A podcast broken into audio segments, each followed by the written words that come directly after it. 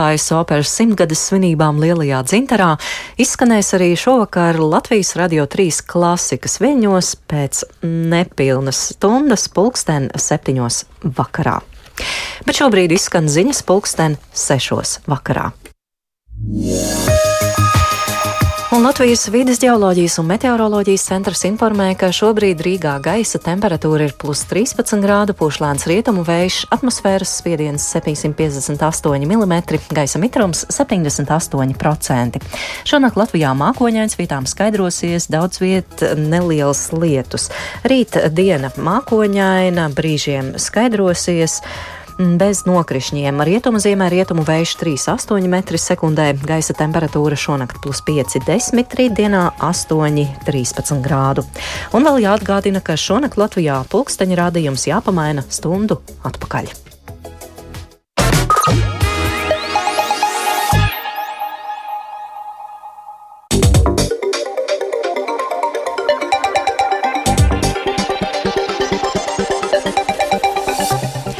Turpinām ar Latvijas radio ziņu dienesta veidotos sestdienas 29. oktobra dienas notikuma apskatu. Studijā ar to Agnese Vasermane. Un vispirms par dažiem raidījuma tematiem. Krievija vaino Lielbritāniju uzbrukumu organizēšanā Melnās jūras flotei. ASV valdes satraukums par politisko vardarbību pēc uzbrukuma spīkeres Pelosī vīram. Latvijā līdz ar ēdināšanas līdzmaksājumu ieviešanu bērnu dārzos ierobežoti pieejams dzeramais ūdens. Vecāki sūdzas, atbildīgie skaidro, ka situācija atrisināta.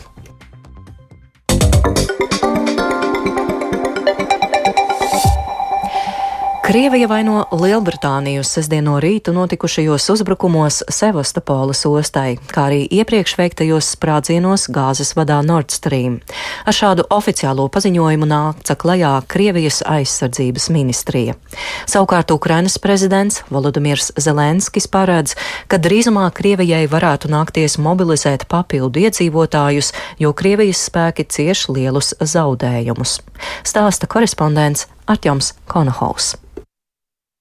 Vairāku Ukrainas reģionu iedzīvotājiem nākas sastapties ar elektrības piegādes pārrāvumiem. Ukrainas prezidents Volodimirs Zelenskis ir paziņojis, ka kopumā ir ietekmēta aptuveni 4 miljoni iedzīvotāju, gan galvaspilsētā Kijivā, gan vairākos citos reģionos. Elektrība regulāri tiek atslēgta uz vairāk nekā 4 stundām, lai stabilizētu tīklu.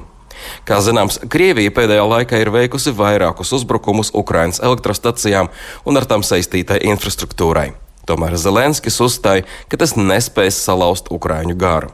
Prezidents arī piebilda, ka Krievijas spēki cieš ievērojumus zaudējumus karā. Šodien Vorogā zvitoja par nibito završanu, viņu mobilizāciju, par nibito непотрібність нових хвиль відправки громадян Росії на фронт. Šodien ienaidnieks ziņo, ka mobilizācija esot pabeigta un ka viņiem vairs nevajadzēšot sūtīt jaunas Krievijas pilsoņu grupas uz fronti.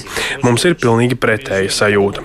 Kaut gan Krievija mēģina palielināt spiedienu uz mūsu pozīcijām, izmantojot mobilizētos cilvēkus, viņi ir tik slikti sagatavoti un ekipēti, komandieri tik nežēlīgi viņus izmanto, ka tas atļauj mums secināt, ka Krievijai drīzumā vajadzēs jaunu cilvēku vilni, ko sūtīt karā. Хвиля відправки людей на війну. Sestdien no rīta no drona uzlidojuma ir cietuši divi Krievijas armijas kuģi Sevastopols ostā. Krievijas aizsardzības ministrija apgalvo, ka visi droni ir notriekti un kuģiem ir nodarīti nebūtiski bojājumi. Tāpat Maskava ir paziņojusi, ka aiz šiem uzbrukumiem stāvot Lielbritānijas kara flotes speciālisti, kas atrodas Ukrainā un konsultē tās armiju. Viņi esot palīdzējuši arī izplānot sprādzienus, kas sabojāja gāzes vadu Nord Stream. Nekādas pierādījumus šādiem apgalvojumiem Krievijas amatpersonas nav sniegušas. Krievijas ieceltā Sevastopols pilsētas vadība vēsta, ka civilā infrastruktūra nav cietusi. Tomēr viņi ir izteikuši aicinājumu vietējiem iedzīvotājiem neievietot internetā video kadrus ar uzbrukuma sekām, jo šādi pilsētnieki palīdzēšot Ukraiņiem. Kā zināms, Sevastopola atrodas Krimas pussalā, ko Krievija ir nelikumīgi anektējusi 2014. gadā. Tur ir izvietota ievērojama Melnās jūras flote. Savukārt Kanādas premjerministrs Justins Trudeau ir paziņojis par jaunu atbalsta mehānismu Ukrainai. Tiekoties ar Kanādā dzīvojošiem Ukrāņiem, Trudeau sacīja, ka valdība gatavojas izlaist Ukrainas suverēnās obligācijas. Tās būs pieejamas iedzīvotājiem lielākajās bankās. Like Tie bija ļoti līdzīgi Kanādas valdības vērtspapīriem, kas daudziem ir pazīstami. Šie līdzekļi tiks novirzīti Ukrainas valdībai, lai viņi varētu turpināt atbalstīt Ukrainas iedzīvotājus. Kā zināms, Ukrainas valdībai katru mēnesi ir nepieciešama vairāku miljardu eiro palīdzība, lai sektu valsts uzturēšanas ikdienas izmaksas. Ārķis Konehaus Latvijas Rādio Briselē. ASV valda satraukums par iespējamu politisko vardarbību, kas var izcelties ASV novembra sākumā gaidāmo kongresa vēlēšanu laikā. Piektdien notikušā uzbrukumā ir cietis ASV pārstāvju palātas spīkeres Nensijas Pelosī vīrs, kurš pat laban atgūstas no ievainojumiem, viņam slimnīcā veikta operācija. Kāds vīrietis naktī ielauzies Pelosī ģimenes mājās San Francisco un visticamāk gribējis uzbrukt Nensijai Pelosī, tomēr spīkeres tobrīd mājās nebija un cieta viņas vīrs. ASV prezidents Joe Bidenis, kā daudzi citi, asi nosodījis šo noziegumu. It's reports that the same chant was used by this guy they have in custody. Ziņās parādās informācija, ka arestētais vīrietis izkliedz tos pašus saukļus, kas tika izmantoti 6. janvāra uzbrukuma laikā ASV kongresam. Es to pats neesmu izdomājis, tā tiek ziņots. Sauklis bija, kur ir Nensija, kur ir Nensija, kur ir Nensija. Tas ir nožēlojami. Nekam tādam Amerikā nav vietas. Ir pārāk daudz vardarbības, politiskās vardarbības, pārāk daudz naida. Kas mums liek domāt, ka vienas partijas runāšana par nozaktām vēlēšanām, saukšana tās par meliem un izdomājumu neietekmēs cilvēkus, kas varētu būt nepārāk līdzsvaroti. Vienreiz pietiek. Katram saprātīgam cilvēkam ir skaidri un nepārprotami jānostājas pret vardarbību politikā, neatkarīgi no tā, kāda ir viņu politiskā pārliecība. Vienmēr.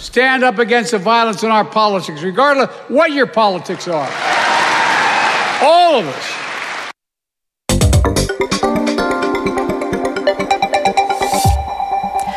Latvijā no šī mācību gada vecākiem par bērnu ēdināšanu pirms skolā un no 5. līdz 12. klasē jāveic līdzmaksājums. Līdz ar sistēmas maiņu trauksmi ceļ bērnu dārznieku vecāki. Atsevišķos gadījumos atvases sūdzoties, ka bērnu dārzā nav pieejams dzeramais ūdens, vai arī to varot saņemt ierobežotā daudzumā. Izglītības iestādēs un Rīgas domē nenoliedz, ka mainoties ēdināšanas sistēmai, mainījušies arī kārtība, kādā bērnu dārzi nodrošina dzeramais dzeramo ūdeni, taču nevienā bērnu dārzā ūdenim nesot ierobežota piekļuve, stāsta Kristaps Feldmanis. Kāda māmiņa, kuras bērns mācās Rīgas pirmsskolas izglītības iestādē Cieleviņa Himantā, Latvijas radio vērsās ar bažām par to, ka viņas atvesai un citiem bērnu dārza audzēkņiem līdz ar jauno ēdināšanas sistēmu, kurā vecākiem jāveic līdzmaksājums, vairs nav pieejams dzeramais ūdens neierobežotā daudzumā. Šogad ir pārietis to jauno sistēmu, kad vecāki tādi paši maksā naudu ēdinātājiem. Sanāk tā, ka um, principā bērnu dārzam šobrīd nav naudas, lai pirktu dzeramo ūdeni bērniem. Ūdens nav dāts, viņš nav. Tad pēkšņi sākās kaut kādas frāzes no bērniem, arī dzirdēts no citiem vecākiem, kad neļaut dzert ūdeni tik, cik gribās, jo ātri beidzoties. Nu, tā liekas dīvaini. Bērna māma gan skaidro, vecāku padomē šis jautājums aktualizēts un tiek meklēts pastāvīgs risinājums, taču māte uzskata, ka šis jautājums jārisina steidzami. Bērnu dārza ciela viņa direktore Medīte Ozoliņa apstiprina, līdz ar jauno maksāšanas sistēmu ir mainījusies arī kārtība, kādā bērnu dārza nodrošina ūdeni, taču tā, ka tas nebūtu pieejams, gan nesot. Nē, nu kādas muļķības, kā mēs bērnam var ierobežot dzert. Mums noņem no to dzeramo ūdeni tādā veidā, kā mums bija caur ēdienkarti mēs devām, tad tagad ūdens ir vienkārši grupā, tā problēma ir atrisināta. Bērniem šobrīd ūdens ir pieejams kanniņās, kurā to vāra, tāpat ūdeni izglītības iestādē piegādājot uzņēmums, ar kuru noslēgts līgums. Ozoliņa pieļauj, ka vecāki situāciju varētu pārprast, vai bērni vecākiem varētu būt sūdzējušies par kādu atsevišķu situāciju, piemēram, kad ūdens uz mirkli beidzies, taču tas neiezīmējot kopējo situāciju.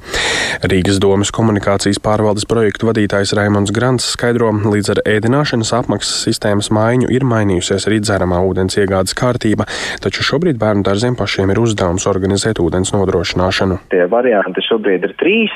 Piemēram, viņi novieto trauku ar vārītu adresātu ūdeni grupiņas telpās um, vai ierīko atsevišķu krānu ar filtru darbā ūdens ņemšanai vai arī iegādājas to no darbā ūdens piegādātājiem. Tas, kā nodrošināt dzeramo ūdeni grupās, tas ir katras pirmsskolas izglītības iestādes vadītāja lēmums. Tomēr viņi rīkojas jebkurā gadījumā uz ministru kabineta noteikumu, kas pārēdz, ka pakalpojumu sniegšanas vietā dzeramiem ūdenim ir jāatbilst dzeramā ūdens obligātajām nekaitīguma prasībām un tas bērniem ir brīvi pieejams. Tomēr, ja pakalpojumu sniegšanas vietā nevar nodrošināt šo dzeramo ūdeni atbilstoši prasībām, tad uh, pakalpojums sniedzējs nodrošina bērniem slāpju remdēšanai fasēto dzeramo ūdeni. Grants arī skaidroja, šobrīd līdz Rīgas domas izglītības, kultūras un sporta departamentam nav nonākusi neviena sūdzība par dzeramā ūdens trūkumu bērnu dārzos. Grants aicina par šāda veida problēmām bērnu vecākus sazināties ar izglītības iestādes vadītāju.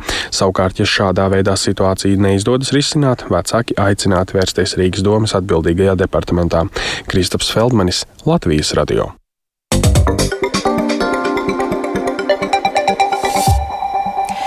Par sportu jau otro dienu pēc kārtas spēli aizvada Zemgala LLU hokeja komanda, kas Somijas pēc spēka otrās līgas spēlē šobrīd mēģina revanšēties par vakardienas zaudējumu Imatras Ketera hokeistiem.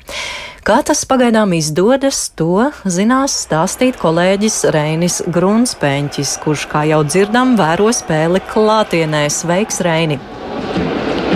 Jā, sveiki, Agnese, un sveicināti klausītāji no Jāgavas ledus halles. Jā, nu ļoti skaļa atmosfēra šeit, un tātad otrais duelis starp Zemgales un pagājušās sezonas mestas līgas čempionu Simutas Ketera komandām. Vakardienā Ketera hokeisti bija pārākie rezultāti 6-2, un tā bija jau viņa astotā uzvara pēc kārtas šajā turnīrā. Nu, jāsaka, ka līdzīgā manierē kā vakardien, ja ne vēl sliktāk, arī šī spēle risinās. Ketera hokeistiem piedara ļoti ievērojams pārsvars laukumā, un viņi ir acīm redzami spēcīgāki. Bet tas arī saprotams, viņiem ir daudz spēlētāju ar lielu pieredzi Somijas augstākajā līgā. Jāgavnieki tikmēr ir pārliecinoši jaunākā komanda starp Mēstas līgas dalībniecēm, un daudziem no Zemgales komandas vēl ir jākrāj pieredze šāda līmeņa mačos. Rezultātu tablo šobrīd otrā perioda vidū gan vēsta tikai par divu vārtu pārsvaru Ketera komandai, bet nu, tas pārsvars laukumā ir krietni, krietni lielāks Somijas komandai. Svarīgi pieminēt, ka turpinās noraidījuma problēmas. Pirmajā trešdaļā Zemgales komandai trīs reizes nācās spēlēt mazākumā, un viena no vārtiem tieši mazākumā arī tika ielaisti. Zemgale no vakardienas šajā spēlē nomainījusi vārdsargu. Šodien Rihards Cimermans ir laukumā. Otrajā periodā viņš ir izglābis jau vairākas bīstamas epizodes. Nu, un vārdsargu nomainījuši arī pretinieki, bet Ketera vārdsargam Severi Auvinenam šajā spēlē bijis diezgan maz darāmā. Un tāpat šajā mačā beidzot ir atgriezies arī Zemgales rezultatīvākais spēlētājs Arturs Homjakovs, kurš um, ir izcietis trīs spēļu diskvalifikāciju. Tomēr pagaidām laukumā tas lielas izmaiņas nav devis. Nu, jācer, ka spēles turpinājumā izdosies vismaz nedaudz šo Somijas komandas dominanci samazināt. Tik tā par pašreizējo spēli Jelgavā, bet paturpinot par citām hokeja aktualitātēm, jau ziņots, ka Lauris Dārziņš pavisam drīz kļūs par Latvijas hokeja izlases galvenā trenera Harija Vitoļiņa palīgu un būs valsts vienības treneru sastāvā 10. un 11. novembrī gaidāmajās pārbaudas spēlēs pret Norvēģiju un Dāniju. Bet šodien Dārziņš komentārā Latvijas radio pastāstīja arī par to, vai jaunais amats nozīmē viņa hokeja karjeras beigas. Klausāmies Lauri Dārziņu radās tāda iespēja, kuru ļoti labprāt izmantošu. Iegūšu vērtīgu pieredzi, kā arī dalīšos ar uh, savām zināšanām. Lai attiecīgi hokeja karjerai likts punkts, nu, šobrīd izvēlos labāku vārtu daudz punktu, nevis punktus. Jā, tālāk Lauris Dārziņš, kurš jau pavisam drīz debitēs treneru arodā. Un vēl pievēršoties arī citiem sporta notikumiem, Latvijas futbola virslīgā pie svarīgas uzvaras tika Jūrmālas Spartaks, kas savā laukumā ar 2-0 pārspēja meitas futbolistus. Ar vārtiem un rezultatīvu piespēli Jūrmālnieku rindās izcēlās Valentīns Zehovs. Un šis panākums Spartakam palielināja izredzes arī nākamajā sezonā saglabāt vietu virslīgā. Divas spēles pirms sezonas beigām Spartaks ir 8. vietā ar 25 punktiem, bet meita ir 9 rītā ar 21 punktu, kas pagaidām nozīmē metas komandas kārtējo dalību pārspēlēs par palikšanu virslīgā. Citā spēlē neizšķirta 1-1 spēlēja Daugavpils un Salaspils Supernovu komandas, bet šobrīd savā starpā tiekas arī otrajā vietā esošā FC Riga un Latvijas kausa ieguvēja Ķēkavas Auda. Par sportu man šovakar tas arī viss. Jā, liels paldies kolēģim Rēnim Grunspēņķim tik tālu arī par sportu. Un pašā programmas noslēgumā vēl viena būtiska lieta, ko būtu vērts neaizmirst tātad šonakt Latvijā konkrēti pulksteni četros naktī vai no rīta pulksteņa rādījums ir jāpamaina stundu atpakaļ.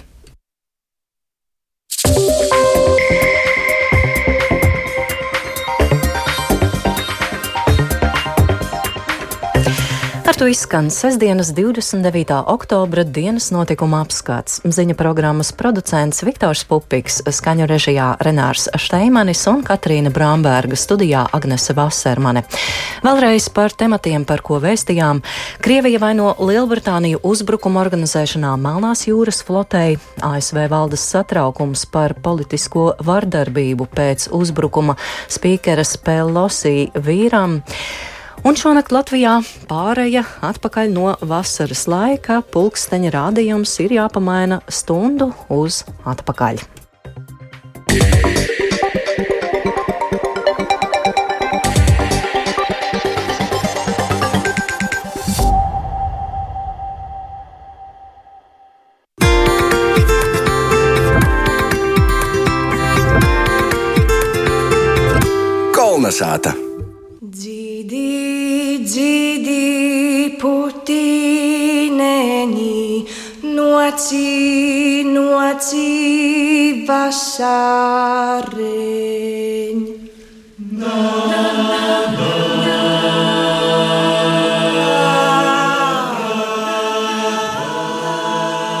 Opolu jubileju nesen nosvinējis mūzikas pedagogs Jons Mižinskis.